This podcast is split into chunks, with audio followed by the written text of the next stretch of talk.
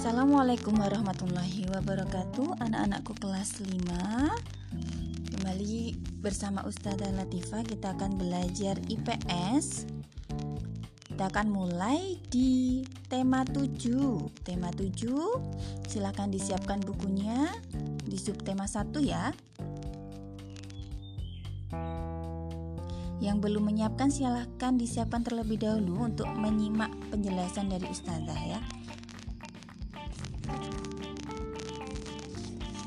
Oke, kali ini kita akan belajar tentang KD 3.4 mengidentifikasi faktor-faktor penting penyebab penjajahan bangsa Indonesia dan upaya bangsa Indonesia dalam mempertahankan kedaulatannya.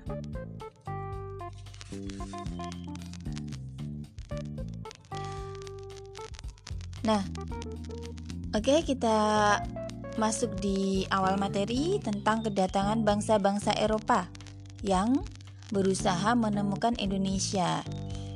Nah, alasan kenapa bangsa-bangsa Eropa ingin uh, datang ke Indonesia adalah karena di Indonesia itu sangat tersedia banyak rempah-rempah yang bagus. Jadi, uh, bangsa-bangsa Eropa ini melakukan penjelajahan samudera keliling dunia karena mereka ingin mendapatkan rempah-rempah di tempat yang baru. Salah satunya mereka ketemu di Indonesia dengan rempah-rempah yang bagus dan murah. Itu selain itu orang-orang Indonesia itu juga ramah-ramah yang sang, yang e, menyebabkan bangsa Eropa itu sangat menyukai Indonesia. Nah, beberapa faktor pendorong bangsa Eropa melakukan penjelajahan samudra.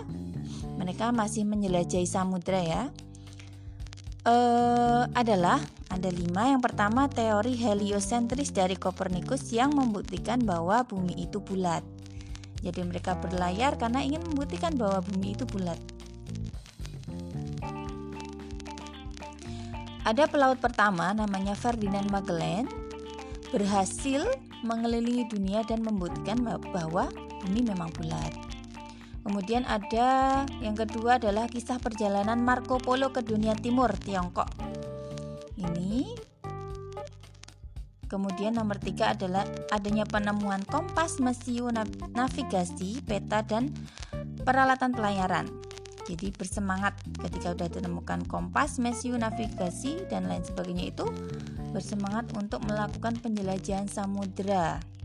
Yang keempat, adanya ambisi untuk melaksanakan semboyan 3G. 3G apa itu 3G?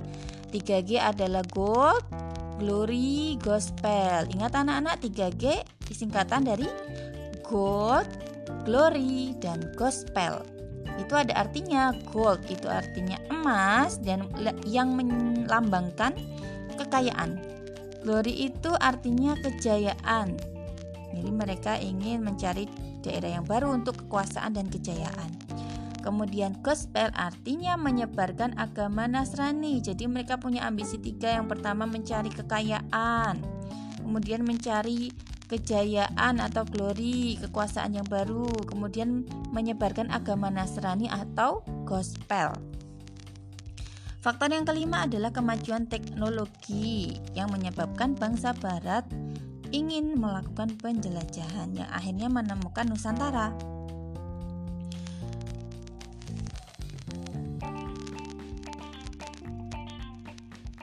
Nah, bangsa barat tadi melakukan penjelajahan samudera dan menemukan Indonesia.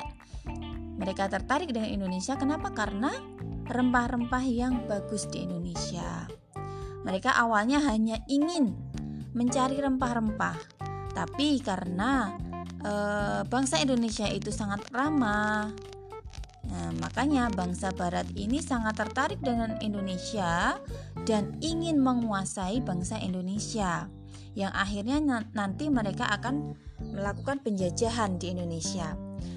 Bangsa barat atau bangsa Eropa ini yang telah menjelajah dan menjajah Indonesia ada empat. Yang pertama ada Portugis, ada Spanyol, ada Inggris dan Belanda dan yang paling lama adalah Belanda yang menjajah Indonesia Indonesia selama tiga setengah abad.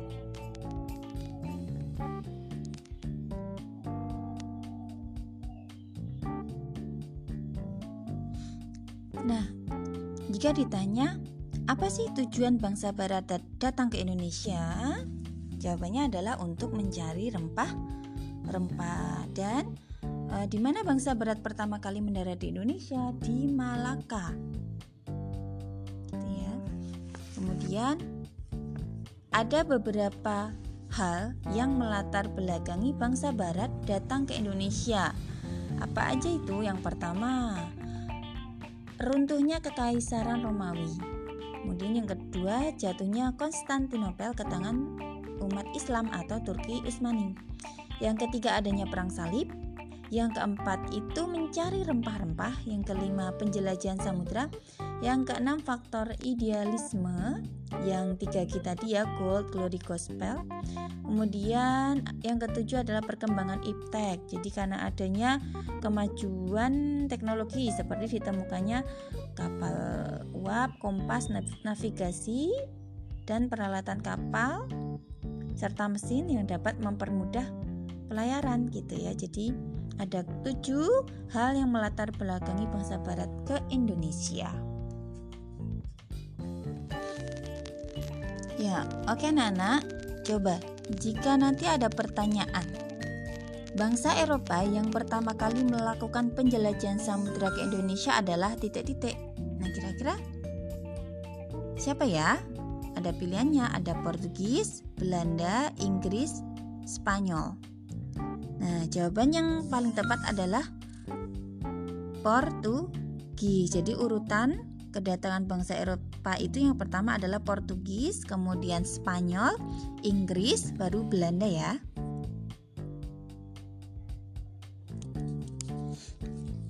Oke anak-anak kita lanjutkan ya untuk uh, pemerintah Belanda kolonial Belanda Belanda pertama kali mendarat di Banten dipimpin oleh Cornelis de Houtman pada tahun 1596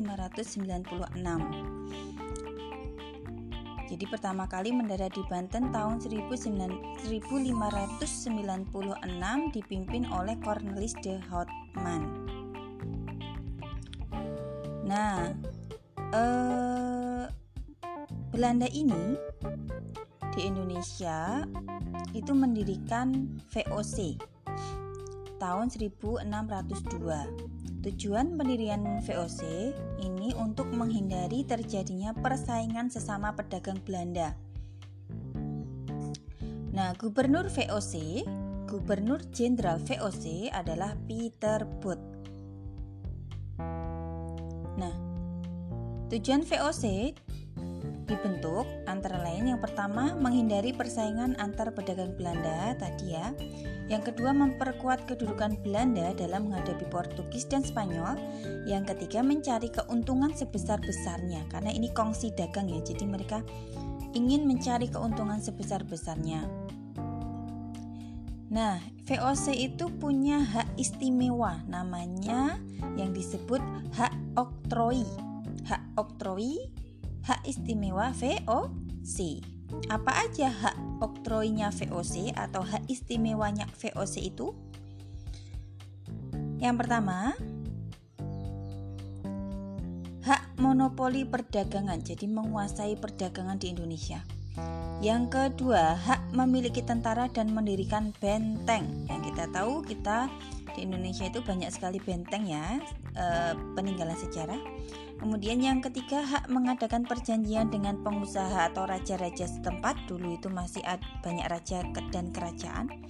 Yang keempat itu hak memiliki mata uang sendiri. Nah, awalnya VOC ini berpusat di Banten.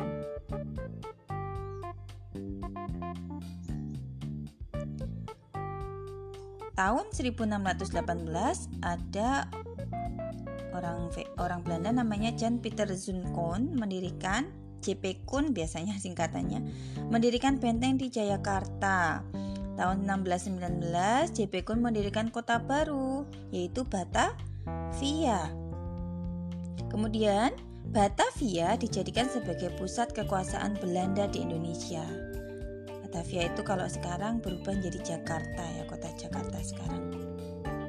Nah, lama-kelamaan VOC ini akan mengalami kemunduran atau bangkrut. Nah, penyebabnya adalah banyak pegawai VOC itu yang korupsi. Kemudian persaingan dagang dengan Prancis dan Inggris. Yang ketiga, perdagangan gelap yang merajalela. Yang keempat, hutang VOC itu banyak. Yang kelima, penduduk Indonesia banyak yang miskin. Yang keenam, anggaran belanja yang besar untuk gaji pegawai. Jadi, lama-lama VOC itu mengalami kemunduran atau kebangkrutan. Akhirnya, Pemerintah Belanda tahun 19, eh, 1799 itu membubarkan VOC. Nah, setelah dibubarkan, segala hak dan kewajiban diambil alih oleh pemerintah Republik Batasi Batasi sampai tahun 1807.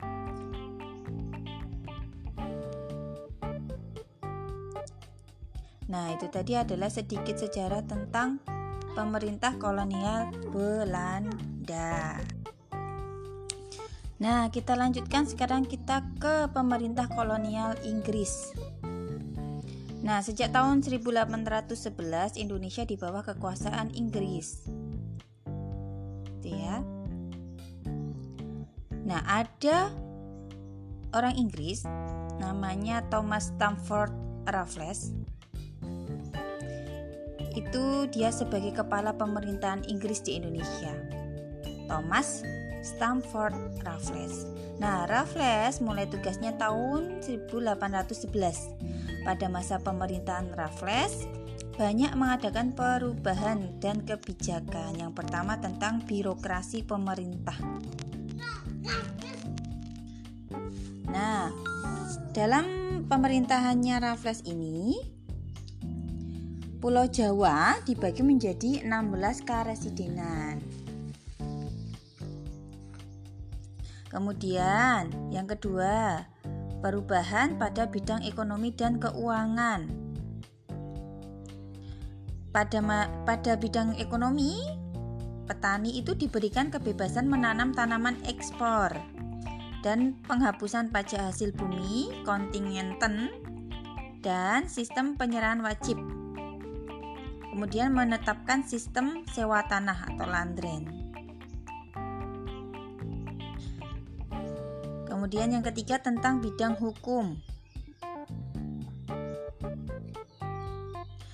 Uh, pada masa Raffles terdapat badan-badan penegak hukum Court of Justice terdapat setiap pada uh, residennya. Tadi kan dibagi ke residen ya. Jadi ada badan-badan penegak hukumnya. Yang keempat, bidang sosial. Nah, pada zaman dahulu pada zaman Belanda itu ada yang namanya kerja paksa atau yang disebut sebagai kerja rodi. Nah, ketika pemerintahnya Raffles eh, di bidang sosial ini kerja rodi dihapuskan dan menghapuskan perbudakan, tetapi dalam praktiknya tetap ada pelanggaran-pelanggaran gitu ya. Jadi ya masih ada semacam perbudakan.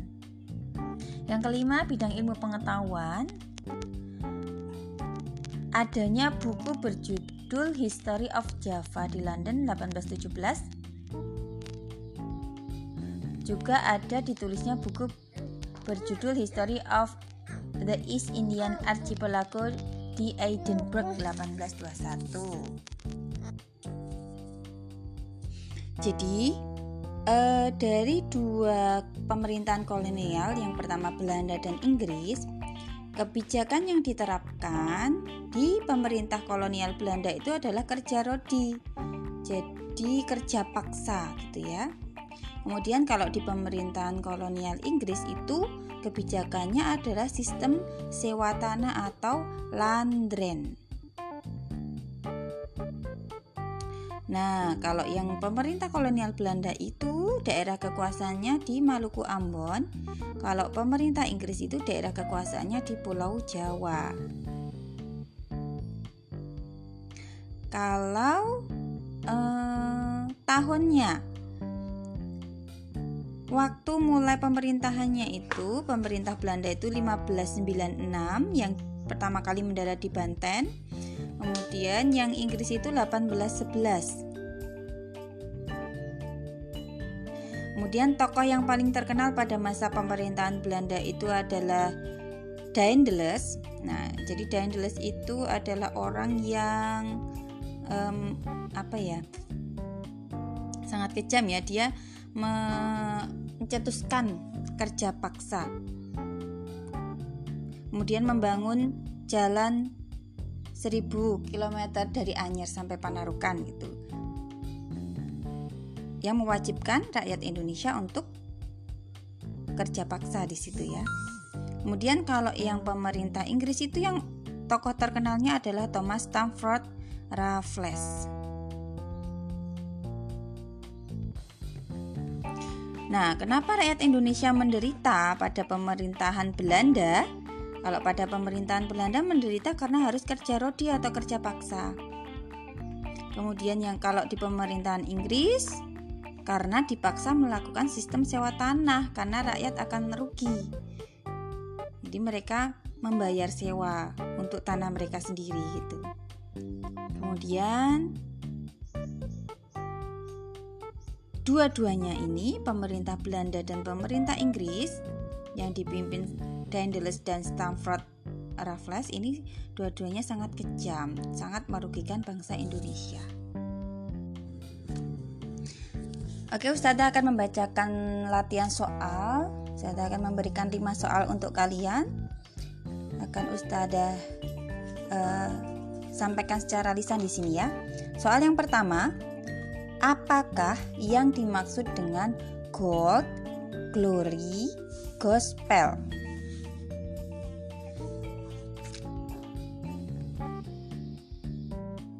Pertanyaan nomor dua, Kapankah VOC dibentuk dan siapakah gubernur jenderal VOC yang pertama? Pertanyaan nomor tiga,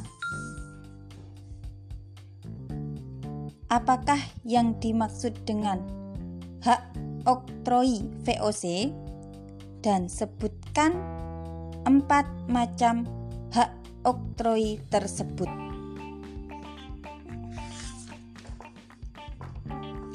Pertanyaan nomor 4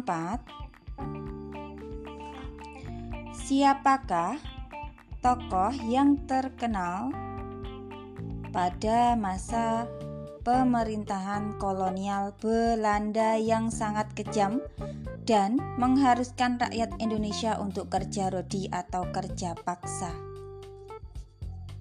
Pertanyaan nomor 5, pertanyaan terakhir.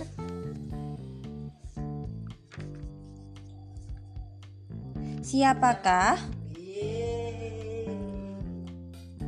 Pertanyaan yang terakhir, kelima, siapakah tokoh yang terkenal pada pemerintahan kolonial Inggris dan apa kebijakan yang paling terkenal darinya?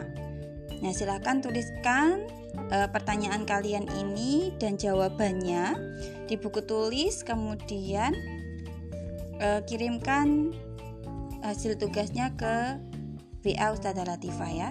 Jadi yang ditulis pertanyaan dan jawabannya. Oke, terima kasih. Sampai di sini dulu. Wassalamualaikum warahmatullahi wabarakatuh.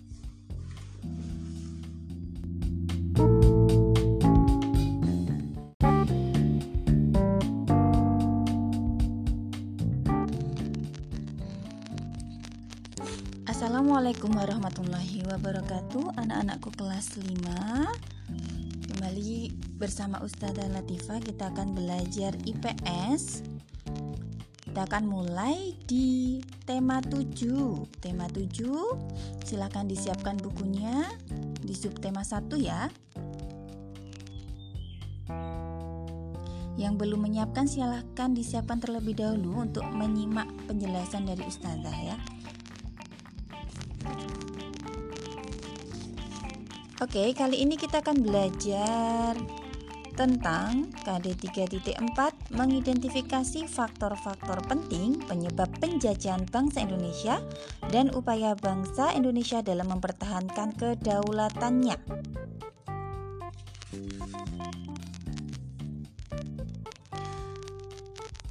Nah, oke kita masuk di awal materi tentang kedatangan bangsa-bangsa Eropa yang berusaha menemukan Indonesia. Nah, alasan kenapa bangsa-bangsa Eropa ingin uh, datang ke Indonesia adalah karena di Indonesia itu sangat tersedia banyak rempah-rempah yang bagus. Jadi, uh, bangsa-bangsa Eropa ini melakukan penjelajahan samudera keliling dunia karena mereka ingin mendapatkan rempah-rempah di tempat yang baru. Salah satunya mereka ketemu di Indonesia dengan rempah-rempah yang bagus dan murah. Itu selain itu orang-orang Indonesia itu juga ramah-ramah yang sang, yang e, menyebabkan bangsa Eropa itu sangat menyukai Indonesia. Nah, beberapa faktor pendorong bangsa Eropa melakukan penjelajahan samudera. Mereka masih menjelajahi samudera ya. E, adalah ada lima. Yang pertama teori heliosentris dari Kopernikus yang membuktikan bahwa bumi itu bulat. Jadi mereka berlayar karena ingin membuktikan bahwa bumi itu bulat. Ada pelaut pertama namanya Ferdinand Magellan berhasil mengelilingi dunia dan membuktikan bahwa bumi memang bulat. Kemudian ada yang kedua adalah kisah perjalanan Marco Polo ke dunia timur Tiongkok. Ini Kemudian nomor tiga adalah adanya penemuan kompas, mesiu, navigasi, peta, dan peralatan pelayaran. Jadi bersemangat ketika sudah ditemukan kompas, mesiu, navigasi, dan lain sebagainya itu bersemangat untuk melakukan penjelajahan samudera. Yang keempat, adanya ambisi untuk melaksanakan semboyan 3G. 3G apa itu 3G? 3G adalah gold, glory, gospel. Ingat anak-anak 3G disingkatan dari gold, glory, dan gospel. Itu ada artinya gold itu artinya emas dan yang melambangkan kekayaan. Glory itu artinya kejayaan. Jadi mereka ingin mencari daerah yang baru untuk kekuasaan dan kejayaan. Kemudian gospel artinya menyebarkan agama Nasrani. Jadi mereka punya ambisi tiga. Yang pertama mencari kekayaan, kemudian mencari kejayaan atau glory, kekuasaan yang baru, kemudian menyebarkan agama Nasrani atau gospel. Faktor yang kelima adalah kemajuan teknologi yang menyebabkan bangsa barat ingin melakukan penjelajahan yang akhirnya menemukan Nusantara.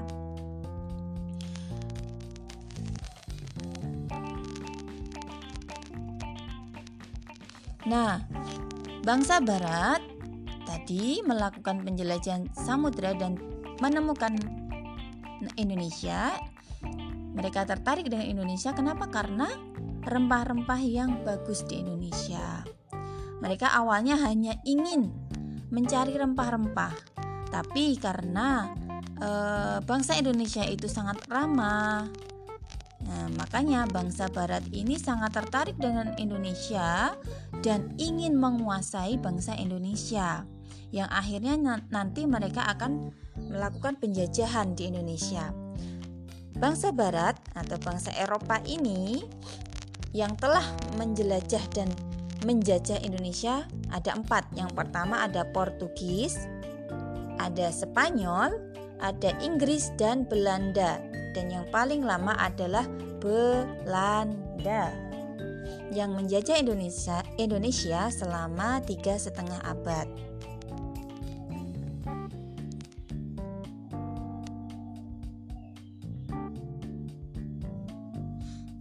Nah, jika ditanya apa sih tujuan bangsa barat datang ke Indonesia? Jawabannya adalah untuk mencari rempah rempah dan e, di mana bangsa barat pertama kali mendarat di Indonesia di Malaka. Gitu ya. Kemudian ada beberapa hal yang melatar belakangi bangsa barat datang ke Indonesia. Apa aja itu? Yang pertama, runtuhnya kekaisaran Romawi. Kemudian yang kedua, jatuhnya Konstantinopel ke tangan umat Islam atau Turki Utsmani. Yang ketiga adanya perang salib. Yang keempat itu mencari rempah-rempah. Yang kelima penjelajahan samudra. Yang keenam faktor idealisme, yang tiga kita dia gold, glory, gospel. Kemudian yang ketujuh adalah perkembangan iptek. Jadi karena adanya kemajuan teknologi seperti ditemukannya kapal uap, kompas, navigasi dan peralatan kapal serta mesin yang dapat mempermudah pelayaran gitu ya. Jadi ada tujuh hal yang melatar belakangi bangsa barat ke Indonesia. Ya, oke okay, Nana. Coba jika nanti ada pertanyaan. Bangsa Eropa yang pertama kali melakukan penjelajahan samudera ke Indonesia adalah titik-titik. Nah, kira-kira siapa ya? Ada pilihannya, ada Portugis, Belanda, Inggris, Spanyol. Nah, jawaban yang paling tepat adalah Portugis. Jadi urutan kedatangan bangsa Eropa itu yang pertama adalah Portugis, kemudian Spanyol, Inggris, baru Belanda ya.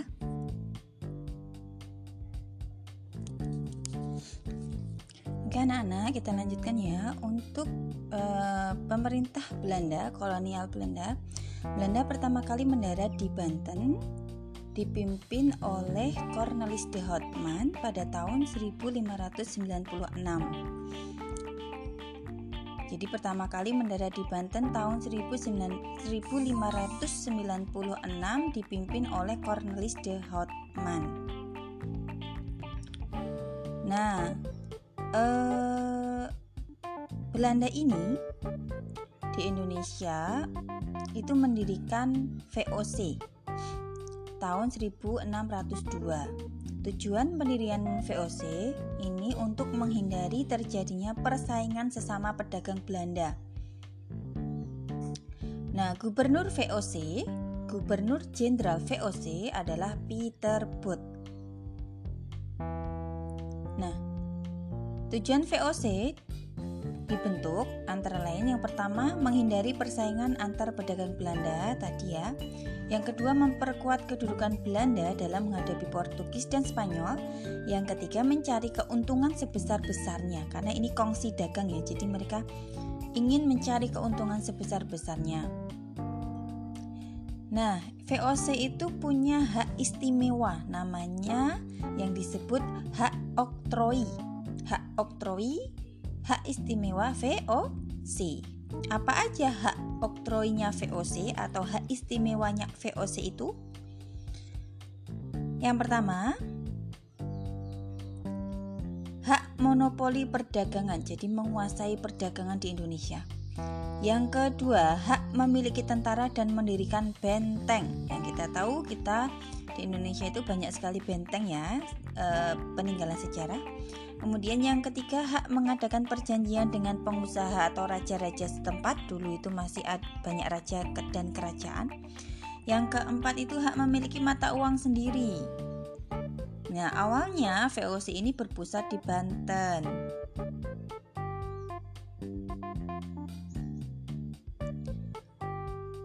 Tahun 1618 ada orang orang Belanda namanya Jan Peter Zunkon mendirikan JP Kun biasanya singkatannya mendirikan benteng di Jayakarta. Tahun 1619 JP Kun mendirikan kota baru yaitu Batavia.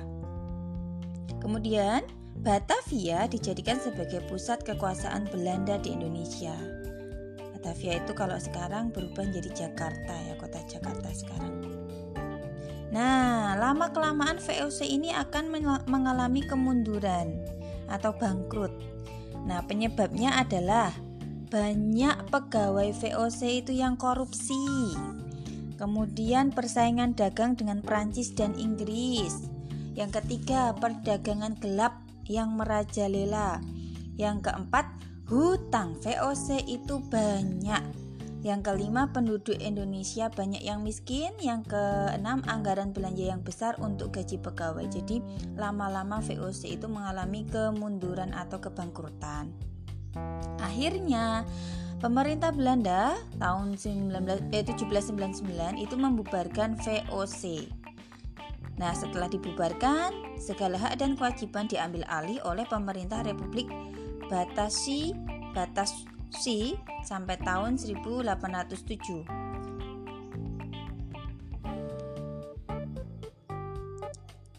Nah, itu tadi adalah sedikit sejarah tentang pemerintah kolonial Belanda. Nah, kita lanjutkan sekarang kita ke pemerintah kolonial Inggris. Nah, sejak tahun 1811 Indonesia di bawah kekuasaan Inggris. Itu ya. Nah, ada orang Inggris namanya Thomas Stamford Raffles itu dia sebagai kepala pemerintahan Inggris di Indonesia. Thomas Stamford Raffles. Nah, Raffles mulai tugasnya tahun 1811. Pada masa pemerintahan Raffles, banyak mengadakan perubahan dan kebijakan. Yang pertama tentang birokrasi pemerintah. Nah, dalam pemerintahannya Raffles ini Pulau Jawa dibagi menjadi 16 karesidenan. Kemudian, yang kedua, perubahan pada bidang ekonomi dan keuangan.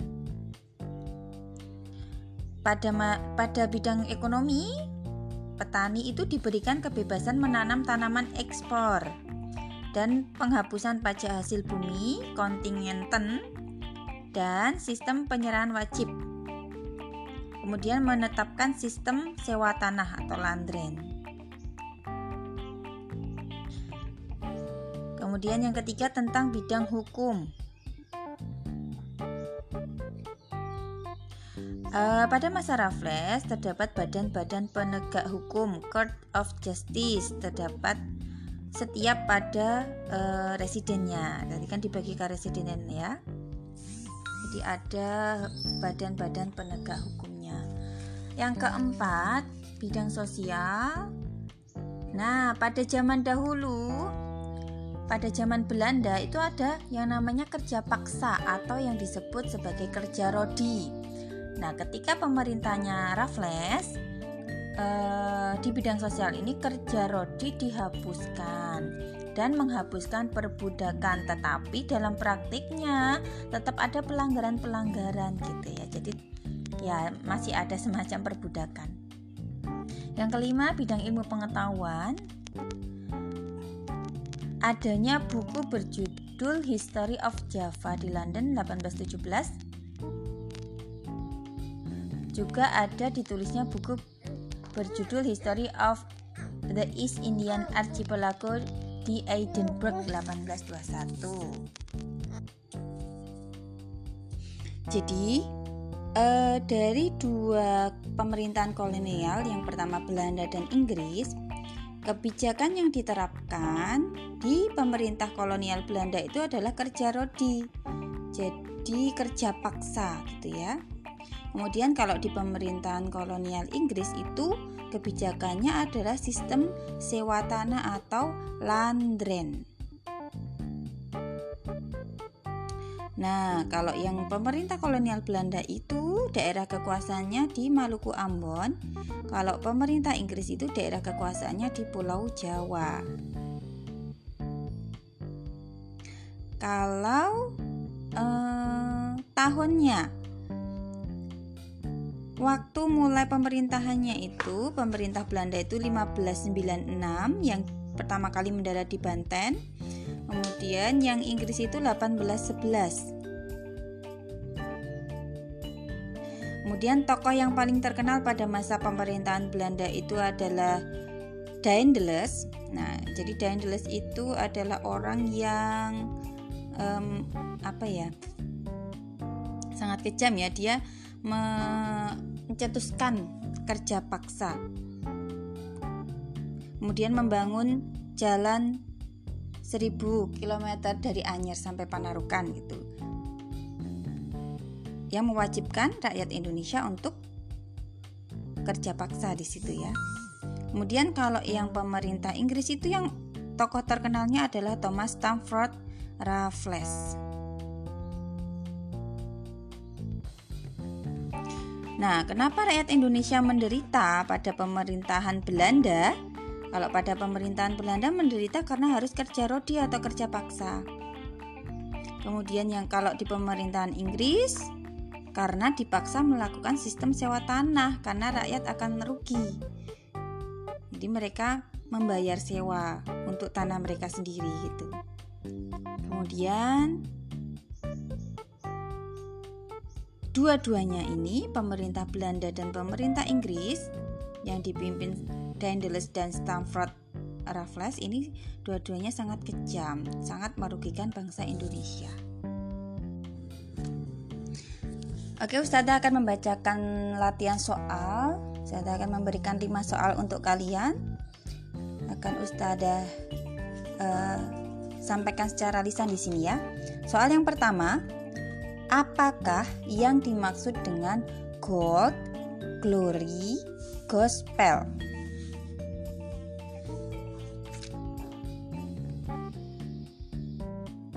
Pertanyaan nomor dua, kapankah VOC dibentuk dan siapakah gubernur jenderal VOC yang pertama?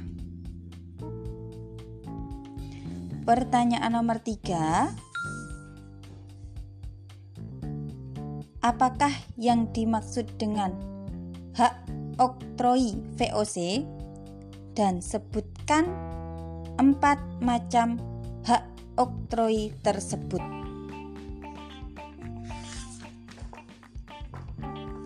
Pertanyaan nomor 4 Siapakah tokoh yang terkenal pada masa pemerintahan kolonial Belanda yang sangat kejam dan mengharuskan rakyat Indonesia untuk kerja rodi atau kerja paksa. Pertanyaan nomor 5, pertanyaan terakhir.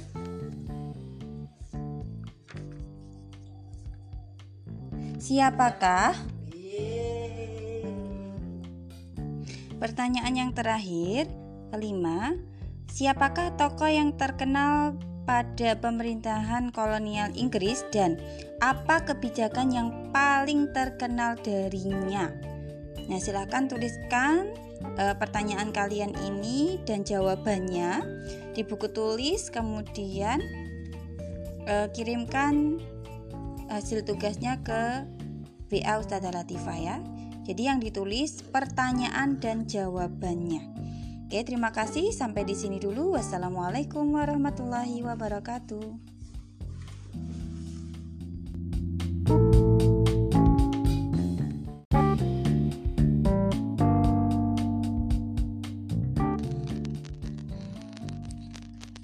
Assalamualaikum warahmatullahi wabarakatuh Anak-anakku kelas 5 Kembali bersama Ustazah Latifah Kita akan belajar IPS Kita akan mulai di tema 7 Tema 7 Silahkan disiapkan bukunya Di subtema 1 ya. Yang belum menyiapkan silahkan disiapkan terlebih dahulu Untuk menyimak penjelasan dari Ustazah ya. Oke, kali ini kita akan belajar tentang KD 3.4 mengidentifikasi faktor-faktor penting penyebab penjajahan bangsa Indonesia dan upaya bangsa Indonesia dalam mempertahankan kedaulatannya.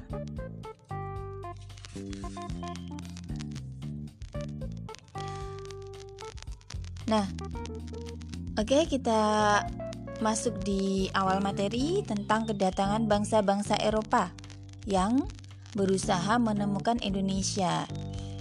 Nah, alasan kenapa bangsa-bangsa Eropa ingin uh, datang ke Indonesia adalah karena di Indonesia itu sangat tersedia banyak rempah-rempah yang bagus. Jadi, uh, bangsa-bangsa Eropa ini melakukan penjelajahan samudera keliling dunia karena mereka ingin mendapatkan rempah-rempah di tempat yang baru. Salah satunya mereka ketemu di Indonesia dengan rempah-rempah yang bagus dan murah. Itu selain itu orang-orang Indonesia itu juga ramah-ramah yang sang, yang e, menyebabkan bangsa Eropa itu sangat menyukai Indonesia. Nah, beberapa faktor pendorong bangsa Eropa melakukan penjelajahan samudra. Mereka masih menjelajahi samudra ya. Uh, adalah ada lima. Yang pertama teori heliosentris dari Kopernikus yang membuktikan bahwa bumi itu bulat. Jadi mereka berlayar karena ingin membuktikan bahwa bumi itu bulat. Ada pelaut pertama namanya Ferdinand Magellan berhasil mengelilingi dunia dan membuktikan bahwa bumi memang bulat. Kemudian ada yang kedua adalah kisah perjalanan Marco Polo ke dunia timur Tiongkok. Ini Kemudian nomor tiga adalah adanya penemuan kompas, mesiu, navigasi, peta, dan peralatan pelayaran. Jadi bersemangat ketika sudah ditemukan kompas, mesiu, navigasi, dan lain sebagainya itu bersemangat untuk melakukan penjelajahan samudera. Yang keempat, adanya ambisi untuk melaksanakan semboyan 3G. 3G apa itu 3G? 3G adalah gold, glory, gospel. Ingat anak-anak 3G disingkatan dari gold, glory, dan gospel. Itu ada artinya gold itu artinya emas dan yang melambangkan kekayaan. Glory itu artinya kejayaan. Jadi mereka ingin mencari daerah yang baru untuk kekuasaan dan kejayaan.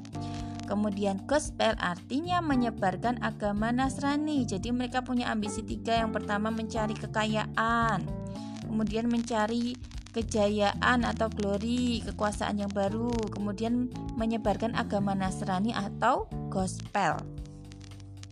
Faktor yang kelima adalah kemajuan teknologi yang menyebabkan bangsa barat ingin melakukan penjelajahan yang akhirnya menemukan Nusantara.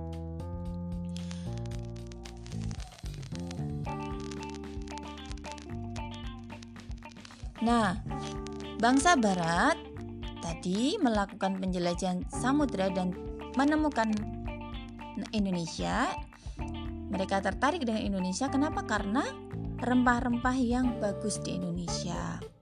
Mereka awalnya hanya ingin mencari rempah-rempah, tapi karena e, bangsa Indonesia itu sangat ramah, Nah, makanya bangsa barat ini sangat tertarik dengan Indonesia dan ingin menguasai bangsa Indonesia. Yang akhirnya nanti mereka akan melakukan penjajahan di Indonesia.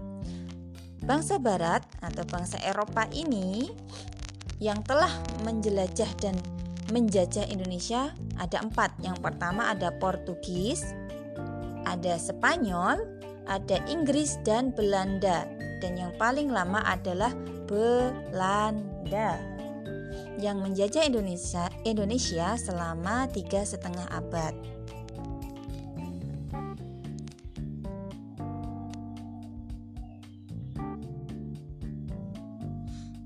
Nah, jika ditanya apa sih tujuan bangsa Barat datang ke Indonesia? Jawabannya adalah untuk mencari rempah, rempah dan Uh, di mana bangsa Barat pertama kali mendarat di Indonesia? Di Malaka. Gitu ya. Kemudian ada beberapa hal yang melatar belakangi bangsa Barat datang ke Indonesia. Apa aja itu? Yang pertama, runtuhnya kekaisaran Romawi. Kemudian yang kedua, jatuhnya Konstantinopel ke tangan umat Islam atau Turki Utsmani.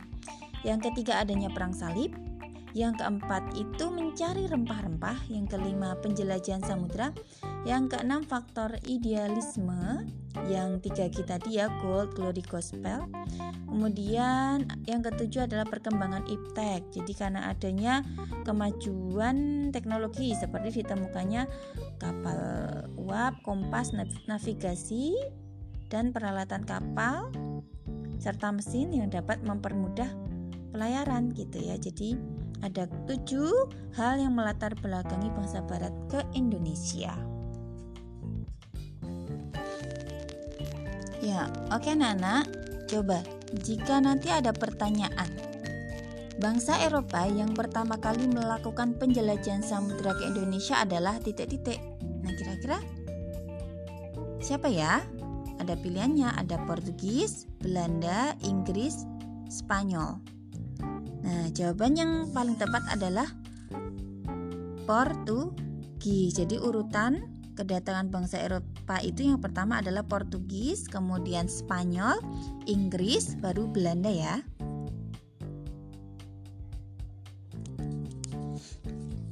Oke anak-anak kita lanjutkan ya untuk uh, pemerintah Belanda, kolonial Belanda. Belanda pertama kali mendarat di Banten dipimpin oleh Cornelis de Houtman pada tahun 1596. Jadi pertama kali mendarat di Banten tahun 1596 dipimpin oleh Cornelis de Houtman. Nah, eh, Belanda ini di Indonesia itu mendirikan VOC tahun 1602. Tujuan pendirian VOC ini untuk menghindari terjadinya persaingan sesama pedagang Belanda. Nah, gubernur VOC, gubernur jenderal VOC adalah Peter Booth. Nah, Tujuan VOC dibentuk antara lain yang pertama menghindari persaingan antar pedagang Belanda tadi ya. Yang kedua memperkuat kedudukan Belanda dalam menghadapi Portugis dan Spanyol. Yang ketiga mencari keuntungan sebesar-besarnya karena ini kongsi dagang ya. Jadi mereka ingin mencari keuntungan sebesar-besarnya. Nah, VOC itu punya hak istimewa namanya yang disebut hak oktroi hak oktroi, hak istimewa VOC. Apa aja hak oktroinya VOC atau hak istimewanya VOC itu? Yang pertama, hak monopoli perdagangan, jadi menguasai perdagangan di Indonesia. Yang kedua, hak memiliki tentara dan mendirikan benteng. Yang kita tahu, kita di Indonesia itu banyak sekali benteng ya, e, peninggalan sejarah. Kemudian yang ketiga hak mengadakan perjanjian dengan pengusaha atau raja-raja setempat dulu itu masih banyak raja dan kerajaan. Yang keempat itu hak memiliki mata uang sendiri. Nah, awalnya VOC ini berpusat di Banten.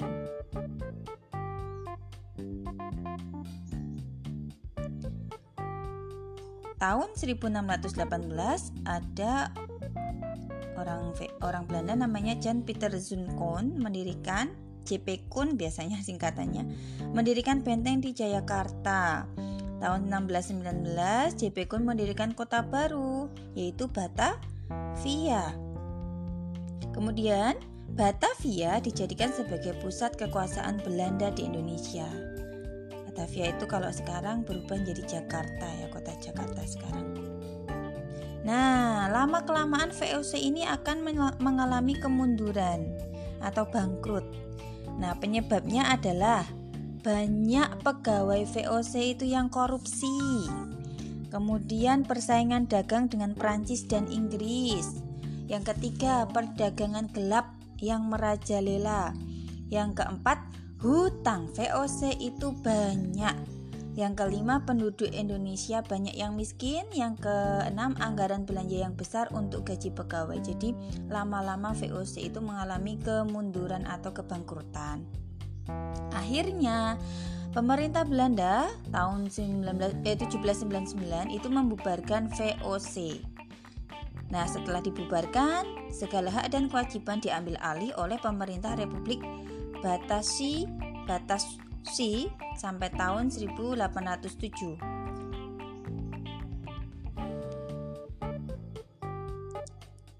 Nah, itu tadi adalah sedikit sejarah tentang pemerintah kolonial Belanda.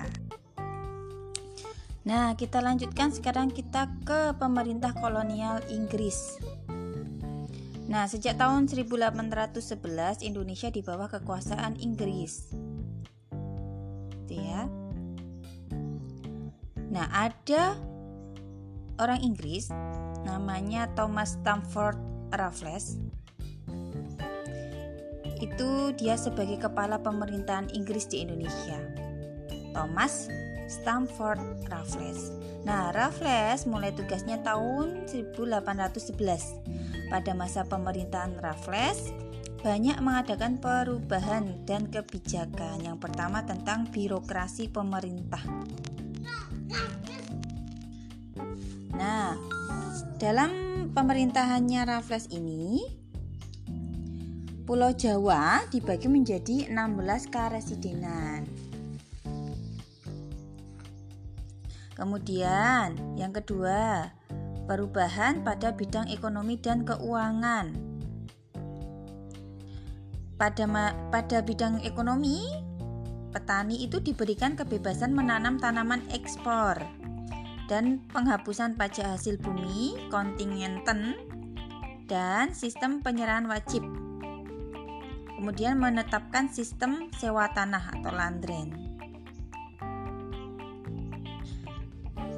Kemudian yang ketiga tentang bidang hukum. Uh, pada masa Raffles terdapat badan-badan penegak hukum Court of Justice terdapat setiap pada uh, residennya. Tadi kan dibagi ke residen ya. Jadi ada badan-badan penegak hukum. Yang keempat, bidang sosial. Nah, pada zaman dahulu, pada zaman Belanda itu ada yang namanya kerja paksa atau yang disebut sebagai kerja rodi. Nah, ketika pemerintahnya Raffles eh, di bidang sosial ini kerja rodi dihapuskan dan menghapuskan perbudakan, tetapi dalam praktiknya tetap ada pelanggaran-pelanggaran gitu ya. Jadi ya masih ada semacam perbudakan. Yang kelima, bidang ilmu pengetahuan. Adanya buku berjudul History of Java di London 1817. Juga ada ditulisnya buku berjudul History of the East Indian Archipelago di Edinburgh 1821. Jadi, uh, dari dua pemerintahan kolonial, yang pertama Belanda dan Inggris, kebijakan yang diterapkan di pemerintah kolonial Belanda itu adalah kerja rodi, jadi kerja paksa, gitu ya. Kemudian kalau di pemerintahan kolonial Inggris itu kebijakannya adalah sistem sewa tanah atau landren. Nah, kalau yang pemerintah kolonial Belanda itu daerah kekuasaannya di Maluku Ambon, kalau pemerintah Inggris itu daerah kekuasaannya di Pulau Jawa. Kalau eh, tahunnya Waktu mulai pemerintahannya itu, pemerintah Belanda itu 1596 yang pertama kali mendarat di Banten Kemudian yang Inggris itu 1811. Kemudian tokoh yang paling terkenal pada masa pemerintahan Belanda itu adalah Daendels. Nah, jadi Daendels itu adalah orang yang um, apa ya? Sangat kejam ya dia mencetuskan kerja paksa. Kemudian membangun jalan 1000 km dari Anyer sampai Panarukan gitu. Yang mewajibkan rakyat Indonesia untuk kerja paksa di situ ya. Kemudian kalau yang pemerintah Inggris itu yang tokoh terkenalnya adalah Thomas Stamford Raffles. Nah, kenapa rakyat Indonesia menderita pada pemerintahan Belanda? Kalau pada pemerintahan Belanda menderita karena harus kerja rodi atau kerja paksa. Kemudian yang kalau di pemerintahan Inggris karena dipaksa melakukan sistem sewa tanah karena rakyat akan merugi. Jadi mereka membayar sewa untuk tanah mereka sendiri gitu. Kemudian dua-duanya ini pemerintah Belanda dan pemerintah Inggris yang dipimpin Daendels dan Stamford Raffles ini dua-duanya sangat kejam, sangat merugikan bangsa Indonesia. Oke, Ustazah akan membacakan latihan soal. Ustazah akan memberikan 5 soal untuk kalian. Akan Ustazah uh, sampaikan secara lisan di sini ya. Soal yang pertama, apakah yang dimaksud dengan gold, glory, gospel.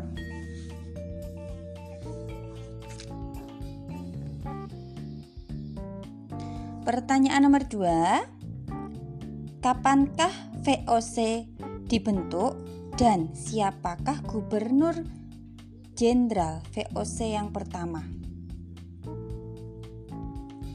Pertanyaan nomor 3 Apakah yang dimaksud dengan hak oktroi VOC dan sebutkan empat macam hak oktroi tersebut.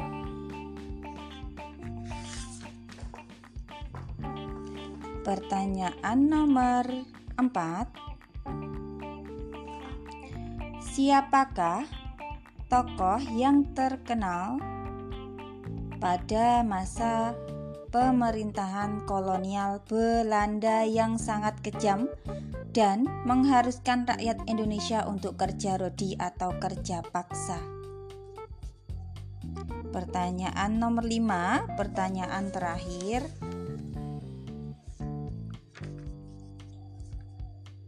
Siapakah? Pertanyaan yang terakhir, kelima, siapakah tokoh yang terkenal pada pemerintahan kolonial Inggris dan apa kebijakan yang paling terkenal darinya? Nah, silakan tuliskan e, pertanyaan kalian ini dan jawabannya di buku tulis, kemudian e, kirimkan hasil tugasnya ke WA Ustazah Latifah ya. Jadi yang ditulis pertanyaan dan jawabannya. Oke, terima kasih. Sampai di sini dulu. Wassalamualaikum warahmatullahi wabarakatuh.